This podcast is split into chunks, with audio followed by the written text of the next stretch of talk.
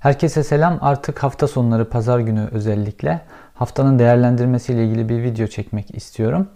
Bu ilki olacak. Umarım beğenirsiniz. Eğer beğenirseniz devamını getiririm. Eğer beğenmezseniz başka konseptlere yöneliriz.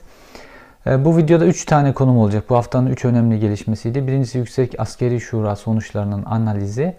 İkincisi Süleyman Soylu, Cemal Engin Yurt ve Mehmet Metiner arasında patlayan krizin perde arkası. Üçüncüsü de Ayasofya konusu olacak. İsterseniz Yüksek Askeri Şura'dan başlayalım sıcak konu. Yüksek Askeri Şura'da beklendiği gibi komuta kademesinde bir e, değişiklik olmadı. Çünkü kuvvet komutanları ve Genelkurmay Başkanı hem yeterli görev süreleri var hem de e, Milli Savunma Bakanı Hulusi Akar'la son derece uyumlu, hükümetle son derece uyumlu şekilde çalışıyorlar. Fakat 3 tane kritik isim vardı. Bunlara ne olacağı önemliydi. Bunlardan bir tanesi 15 Temmuz'da ismi en çok anılan Özel Kuvvetler Komutanı Kor General Zekai Aksakallı'nın durumu. İkincisi e, Orgeneral İsmail Metin Temel'in durumu ki bu da kritik bir komutandı ve e, Suriye'deki operasyonları yürüten isimdi. Fakat sonra kızağa çekilmişti tıpkı Zekai Aksakallı gibi. Onun emekli edilip edilmeyeceği konusu önemliydi. Üçüncüsü de Metin Gürak. Metin Gürak'ın Orgeneral yapılıp yapılmayacağı konusu önemliydi. Bu üç kritik hamle Hulusi Akar'ın geleceğe dönük stratejisi açısından bize bir şeyler söyleyecekti. Ve bir de tabi parantezin dışında daha az önemli olan ama hükümet için özellikle önemli olan Aydın Şirin'in durumu. Şimdi e, üç hamlelerin hepsini yaptı Hulusi Akar. Bir kere şunu baştan söyleyeyim. Hulusi Akar artık Türk Silahlı Kuvvetleri'ndeki tek güç merkezi haline gelmiş durumda. Fakat bunu yaparken de son derece stratejik davrandı. Yaptığı atamalardan bir tanesinde özellikle ulusalcı kesime bir konsensüs içerisinde olabileceğine ilişkin çok önemli bir mesajdı. Şimdi hmm, Zekai Aksakallı Özel Kuvvetler Komutanıydı ve 15 e, Temmuz'da kahraman olarak lanse edildi. 15 Temmuz'un en çok öne çıkan ismiydi. Hemen ardından başlayan Suriye operasyonlarında. Fakat sonra bir anda Zekai Aksakallı pasifize edildi ve çok e, Özel Kuvvetler Komutanlığından sonra getirilmemesi gereken daha pasif bir göreve gönderildi. Ve bu Yüksek Askeri Şura'da işte 15 Temmuz'un kahramanı olarak e, bilinen Zekai Aksakallı emekli edildi.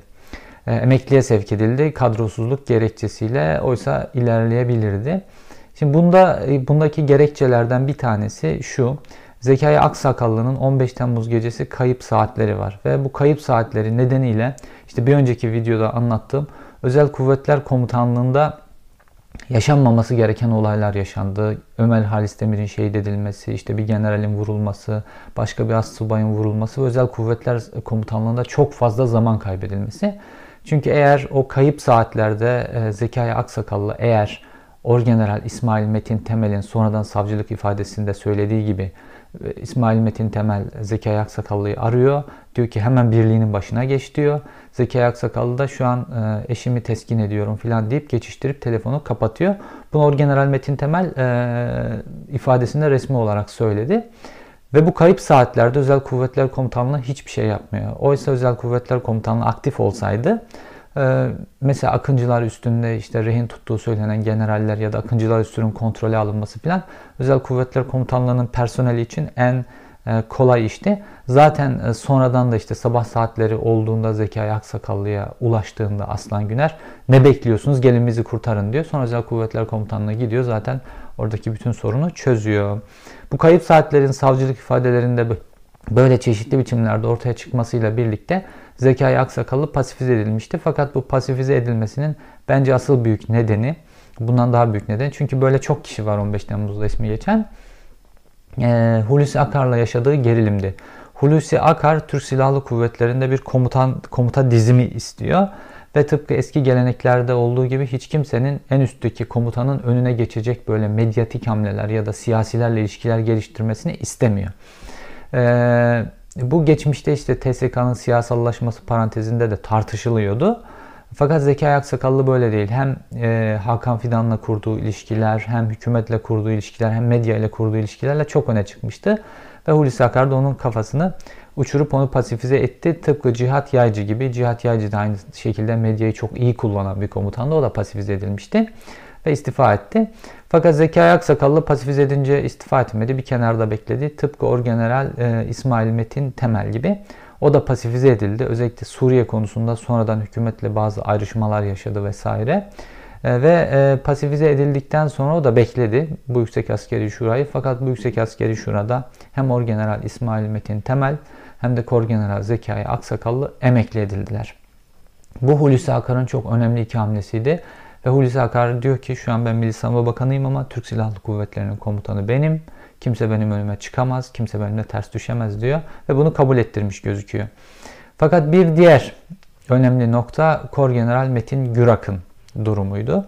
Kor General Metin Gürak'ın e, or olup olmaması Türk Silahlı Kuvvetleri'ndeki konsensüs Hulusi Akar'ın ileriye dönük stratejisi açısından önemliydi. Neden? E, Metin Gürak ismi Orgene, Ergenekon operasyonlarında geçmiş bir komutandı. E, ve Genelkurmay karargahında bir ara önü çok açılmış, sivrilmiş bir komutandı Başbuğ döneminde. Ve bunların hepsinden daha önemlisi Metin Gürak e, İlker Başbuğ'un bacanağı.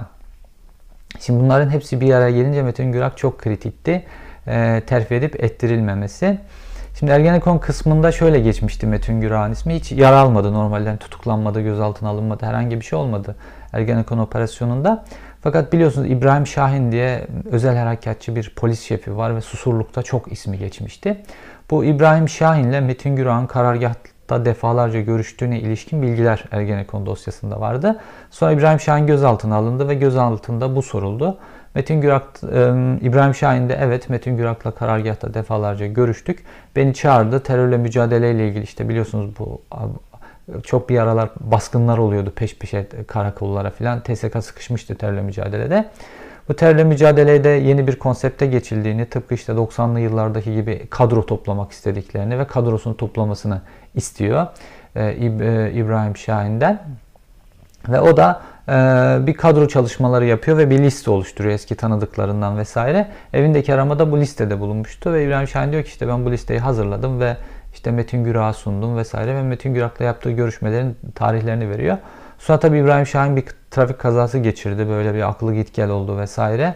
İbrahim Şahin sonrasında ben bu önceki ifadelerimi hatırlamıyorum diye reddetti o ifadelerini. Dolayısıyla Metin Gürak açısından o fasıl kapanmış oldu ve Metin Gürak herhangi bir Ergenekon operasyonunda bir yara almadan yoluna devam etti fakat sessizleşti. Oysa İlker Başbuğ karargahta etkin isimken Metin Gürak'ı e, İletişim Genelkurmay İletişim Daire Başkanı yapmıştı. İletişim Daire Başkanlıkları son yıllarda çok önemliydi. İlker Başbuğ da burada parladı. Sürekli medyanın önüne çıkıp Genelkurmay'ı savunan kişi olarak bir anda medyada parlıyorsunuz. Ve sonrasında da işte bu o Genelkurmay Başkanlığı'na gidişte önünüzü açıyordu. Ve e, Metin Gürak da İletişim Daire Başkanlığı yapılmıştı. İlker Başbuğ'un güçlü olduğu dönemde. Önü açıldı, e, parlatıldı fakat sonra bir anda işte bu Ergenekon operasyonundaki bu şeyler olunca sessizliğe büründü ve sessizce bir kenarda bekledi. Fakat şimdi orgeneral oldu. Şimdi Metin Gürak orgeneral yapılmayıp korgenerallikten e, emekli edilseydi bu Hulusi Akar'ın verdiği şöyle bir mesaj olacaktı. Ben ulusalcı, Avrasyacı kadrolarla asla çalışmayacağım. Ve bu sizin hepinizi e, tasfiye edeceğim e, anlamına gelecekti. Ki İlker Başbuğ hala Türk Silahlı Kuvvetleri'nde önemli bir güç. Biliyorsunuz Fenerbahçe orada bir lobisi vardır Türk Silahlı Kuvvetleri'nde. Emekli generallerin oturduğu. Orada çok önemli bir güç. İlker Başbuğ da kısa süre önce hükümetle bir tartışma yaşamıştı ve tartışmadan sonra sessizliğe büründü. Ve Yüksek Askeri Şura'dan İlker Başbuğ kendi açısından bir yara almadan atlatmış oldu. Hulusi Akar açısından da şu e, demek oluyor. Ben Türk Silahlı Kuvvetleri'ni bir konsensüs olarak da yönetebilirim. Ve bu Metin Gürak mesajı da önemliydi. Çünkü ulusal cephe için Metin Gürak önemli bir komutandı ve onu yükseltti. Tabi bunların yanında Metin Gürak 15 Temmuz'daki duruşuyla da e, zannedersem evet 15 Temmuz'da e, Ankara'da 4. Kolordu komutanıydı ve bu bağımsız kolordular biliyorsunuz TSK'da çok önemlidir. Ve e, buradaki duruşuyla da zaten hükümetin de takdirini kazanmıştı ve yükseldi tıpkı Aydın Şirin gibi. Şimdi Aydın Şirin de işte deniz kuvvetlerinde e, önemli bir e, generaldi ve korluğa yükseldi. E, Aydın Şirin'in hükümet açısından önemi e, şudur. Aydın Şirin dindar kesime yakın, dindar kimliğiyle bilinen bir isimdir ve hükümetten kişilere de çok yakın bir isimdir. Bu işte korla terfi etti. Genelkurmay Deniz Kuvvetleri Komutanlığı olma yönünde işte o oramiral olacaktır ileride. Ee, önemli bir pozisyona gelmiş oldu Aydın Şirin. Tabi Aydın Şirin de 15 Temmuz'da işte amfibi piyadeler e, ona bağlıydı ve 15 Temmuz'da onun rolü de kritikti. O da hükümet açısından e, takdir kazanmış bir komutan da aynı zamanda. Yani özetlersek Yüksek Askeri Şura'da e, çok aleni biçimde Hulusi Akar damgası vardır. Şu an Türk Silahlı Kuvvetleri'nde bir Genelkurmay Başkanı vardır ama Genelkurmay Başkanı'nın üstüne de bir komutan konulmuştur. Bu yeni Cumhurbaşkanlığı sisteminde. O da Milli Savunma Bakanı'dır. Ve Hulusi Akar gerek işte üniforma gibi kıyafetleriyle gerek tavrıyla gerekse Türk Silahlı Kuvvetleri'ndeki sürdürdüğü hakimiyeti atamalara da yansıtmış olmasıyla bu Yüksek Askeri Şura'da artık Türk Silahlı Kuvvetleri'ndeki tek patrondur.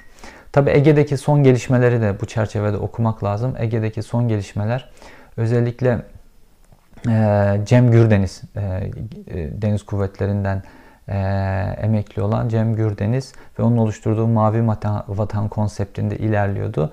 Ve gerek Ege'de, Ege'de gerek Akdeniz'de Türk Silahlı Kuvvetleri bazı gerilimler yaşadı. Fakat Yüksek Askeri Şura'dan hemen önce hem Ege'de hem Akdeniz'de geri adım atıldı. Atılmak zorunda kaldı daha doğrusu Avrupa Birliği'nin, Merkel'in vesaire uluslararası e, güçlerin devreye girmesiyle. Bu da özellikle deniz kuvvetlerinde e, ulusalcı cephenin bir yara almasına neden oldu. Bunu da Hulusi Akar e, Yüksek Askeri Şura'da deniz kuvvetlerindeki atamalarda son derece güzel kullandı kendi açısından. Şimdi gelelim ikinci konumuza. Süleyman Soylu, e, Mehmet Metiner, Cemal Engin Yurt meselesine. Biliyorsunuz Süleyman Soylu ile Mehmet Metiner televizyonda canlı yayında kapıştılar. Böyle hani bir AKP'li gazeteciyle AKP'nin bir bakanının kapışması pek görülmez. Ee, ve Cemal Engin Yurt'ta MHP'de kesin ihraç talebiyle Yüksek Disiplin Kurulu'na sevk edildi. AKP'yi eleştirdiği bazı sözleriyle görünürde. Mehmet Metiner'le olan kavga da başka bir sebepten e, görünüyor. Cemal Engin Yurt'la olan kavga da başka bir sebepten görünüyor. Fakat ikisinin perde arkasında aynı sebep var. Bunu anlatacağım ben size. E, şimdi Mehmet Metiner'le Süleyman Soylu'nun kavgası. İşte Mehmet Metiner televizyona çıktı ve bazı e, işte Gülen cemaatinden isimlerin hala işte bazı kritik kurumlarda İçişleri Bakanlığı'nı kastederek göreve geldiklerini vesaire söyledi ve buna çok sert bir tepki gösterdi. Süleyman Soylu yayına bağladı ve Mehmet Metin'i konuşturmadı, adeta azarladı, fırçaladı. Ee, sonrasında aralarında bir telefon görüşmesi sonrasında gerçekleşmiş. Ama e, hem Mehmet Metiner hem Cemal Engin Yurt hem de kısa süre önce AKP'den tasfiye edilen bazı isimler, daha doğrusu pasifize edilen bazı isimlerin ortak noktası bu işte FETÖ borsası dediğimiz e, piyasanın e, aktörleri ve piyasadaki rantı yiyen isimler. Bunu nasıl yapıyorlar? Size kısaca özetleyeyim. E, bir iş adamını hedef seçiyorlar. E, bu hedef seçtikleri iş adamıyla ilgili e, emniyet çalışıyor çalışıyor ve bu iş adamının mutlaka Gülen cemaatiyle bir bağlantısı bulunuyor. İşte bir sohbetine gitmiştir. Türkçe olimpiyatlarının bir şeyine gitmiştir. Bankasya'da bir süre parası bulunmuştur. Türkiye'deki bu hani muhafazakar kesimden hemen herkesin bir bağlantısının bir yerde yolunun kesişmesi gibi mutlaka bir şeyler çıkıyor. Akrabası işte cemaat soruşturmalarından tutuklanmıştır vesaire böyle bir dosya oluşturuluyor. Karma dosya. İşte akrabası sohbete şu tarihte görüldü, oldu, bu oldu filan. Ya da ne bileyim bir yurt açılmıştır oraya bağış yapmıştır bir dönem filan böyle bir dosya oluşturuyorlar bu kişiyle ilgili. Fakat bu dosyayı savcılığa göndermiyorlar. Ya da gönderiyorlar duruma göre. Savcının durumuna göre. FETÖ borsasında savcı aktif mi değil mi ona göre. Fakat bu işte e, bu ismini saydığım Metiner, Engin Yurt filan gibi isimler sonra bu dosyayı alıyorlar onlardan. Ve bunlar gidiyorlar. Avukatları da var bu işte organize biçimde çalıştıkları. Gidiyorlar o iş adamına diyorlar ki kardeşim senin hakkındaki dosya budur. E, bu kapsamda işte devletimiz seni alacak. Ama biz senin iyi bir adam olduğunu biliyoruz. Şu kadar para verirsen ondan sonra biz de işte vatan millet için çalışıyoruz. Çeşitli güçlerimiz var, faaliyetlerimiz var filan gibi bir kılıfa büründürüyorlar. Ondan sonra biz de bu dosyayı işte rica ederiz vatansever savcılarımızdan, polislerimizden bu dosyayı kapatırız diyorlar. Tabi iş adamı mesajı anlamış oluyor. Yani orada bir haraç isteniyor. İş adamı haracı verirse Gidiliyor. O dosya zaten normalde hani çok şey bir dosya değil. O dosya kapatılıyor ve işte polis hakkını alıyor. Savcı işin içindeyse savcı hakkını alıyor. İşte e, bu e, saydığım milletvekilleri ve AKP'li yazarlar haklarını alıyorlar. FETÖ borsası bu şekilde yürüyordu bugüne kadar. E, fakat e, bunun hatta bazı olaylar da yargıya da intikal etti. Fakat pek çoğu intikal etmiyor. Şimdi bu e, şimdi Süleyman Soylu'nun son dönemde güçlenmesi ve daha önceki videolarımda anlattığım özellikle İstanbul Emniyet Müdürlüğü'ne yapılan atamayla ilgili videomda ağır kadrolarının yeniden emniyette çok güçlü hale gelmeleriyle birlikte artık buradaki pastadan size ekmek yok diyorlar. Ve Süleyman Soylu ile Mehmet Metiner'in arasındaki kavga ve Cemal Engin Yurt'la ilgili MHP'ye ulaştırılan dosyalarla onun pasifize edilmesiyle ilgili mesele buradan kaynaklanıyor. Çünkü ağır kadrosu 90'lı yıllarda bu işin uzmanlığını yaptı yani. Bu onların işi. Nasıldı 90'lı yıllarda biliyorsunuz Kürt iş adamları cinayetleri diyebildiğimiz bir süreç var. İşte Adapazarı Düzgehen, Düz Cehendek e, üçgeninde pek çok Kürt iş adamı öldürüldü. Orada da işte bu ağır kadrosu Kürt iş adamlarına gidiyordu. Siz PKK'ya yardım ediyorsunuz diyordu. Ve e, bu kişilere şantaj yapıp para alıyordu bu kişilerden. Eğer para vermeyenler olursa bunlar kafalarına sıkılıp işte o dediğim üçgende e, bir yere atılıyorlardı. E, hatta işte İbrahim Tatlıses'in de Mehmet Ağar'a 10 milyon dolar yakın 10 milyon dolara yakın para verdiği bu çerçevede medyaya yansımıştı o dönem. E, şimdi ağır kadrosu geri geldi ve buradaki pasta geçmişte o Kürt iş adamlarına yaptıklarını şimdi işte cemaate yakın ya da cemaatle yolu bir şekilde kesişmiş muhafazakar iş adamlarına yapacaklar. O pasta bizim diyorlar. Çünkü ağır kadrosu emniyette yerleşti. Ve bu pastadan işte bu pay alan bu tipleri, bu tipleri şu an çeşitli biçimlerde tasfiye ediyorlar. O tipler de kendilerini tasfiye edenin, bu pastanın dışına itildiği, itilenin Süleyman Soylu olduğunu bildikleri için farklı yönlerden onu hedef alıyor. Ne yapıyor Mehmet Metiner? İşte diyor ki yeniden e, cemaatçi kadrolar emniyette aktif hale geldi falan filan gibi şeyler söyleyerek Süleyman Soylu'yu en böyle şu an hükümet için hassas olan yerden vurmaya çalışıyor. Soylu çok reaksiyon gösterdi burada. Bunlar anlaşılacak, anlaşacaklardır. Onlara biraz pastadan pay vereceklerdir vesaire. İşte bu Cemal Engin Yurt'la ilgili de bu FETÖ borsası ile ilgili dosyalar e, Süleyman Soylu ekibi tarafından Milliyetçi Hareket Partisi'ne gönderildi ve Milliyetçi Hareket Partisi de başka bir bahane bularak işte Cemal Engin Yurt'la fındık fiyatları üzerinden Tarım Bakanı'nın kapışması gibi ki Cemal Engin Yurt hükümete daha sert eleştiriler yapmıştı. Basit bir bahaneyle onu Yüksek Disiplin Kurulu'na sevk ettiler.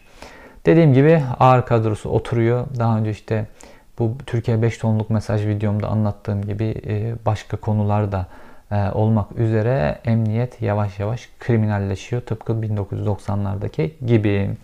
Gelelim üçüncü konumuza Ayasofya meselesine.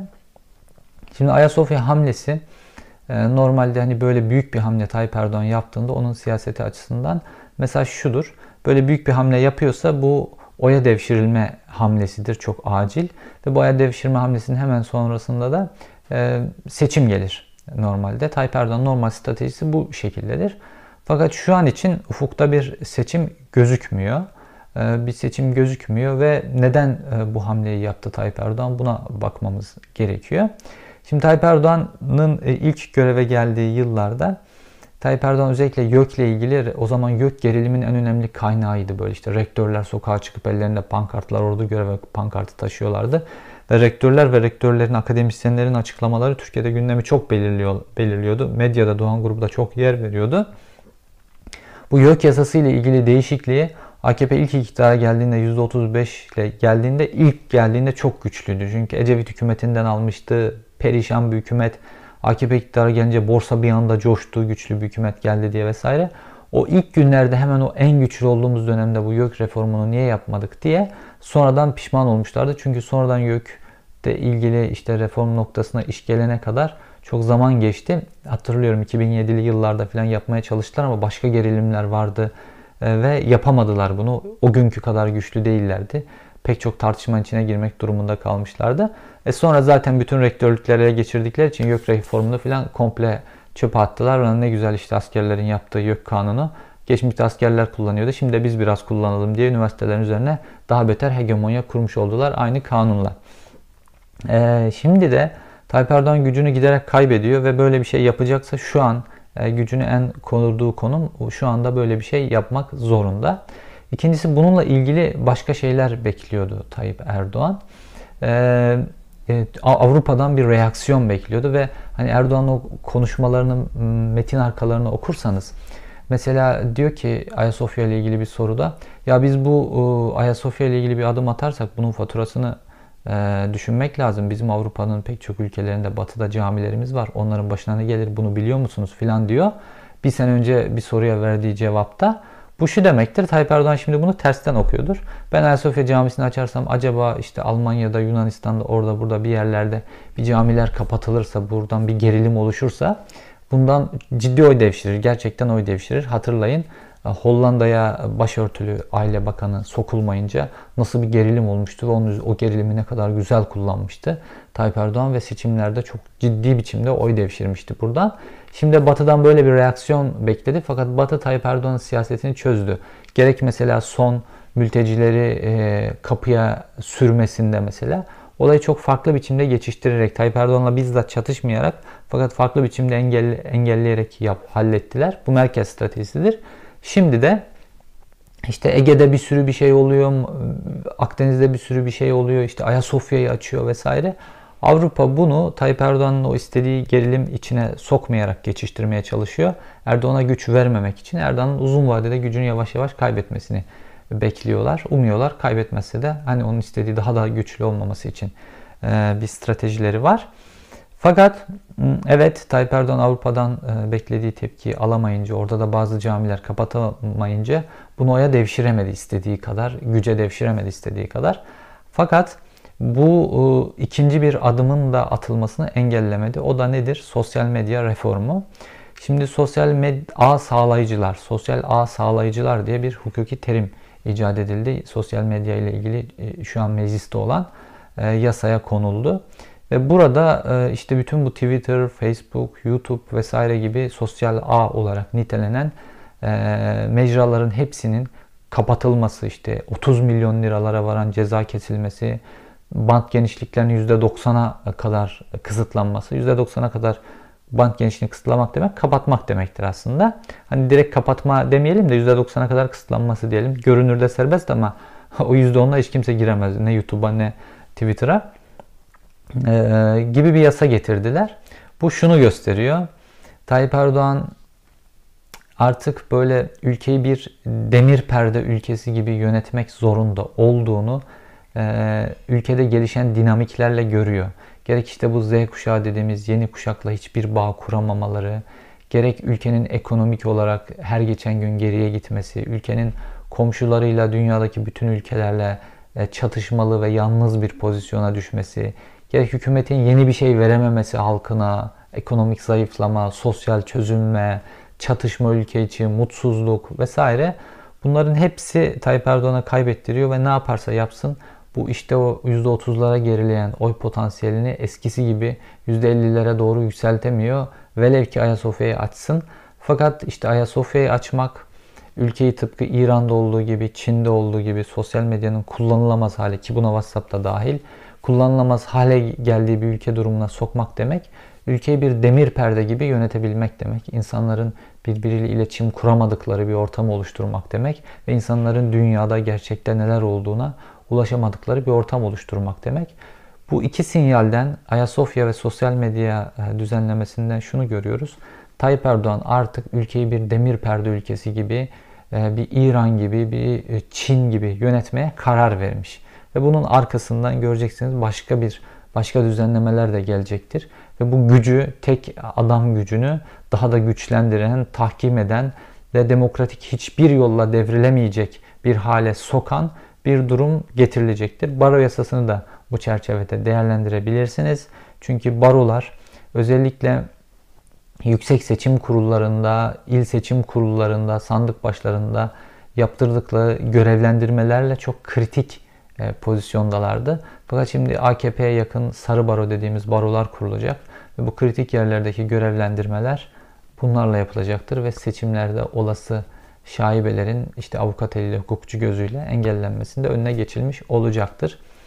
Gidişat böyle Tayyip Erdoğan açısından orduda gücünü yaşta dediğim gibi tahkim ettirdi daha da. E, işte bu yasalarla gücünü daha da tahkim ettiriyor.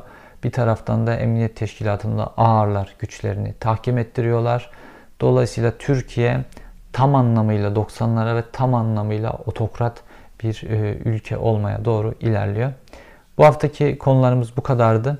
İzlediğiniz için teşekkür ederim. E, gelecek hafta görüşmek üzere.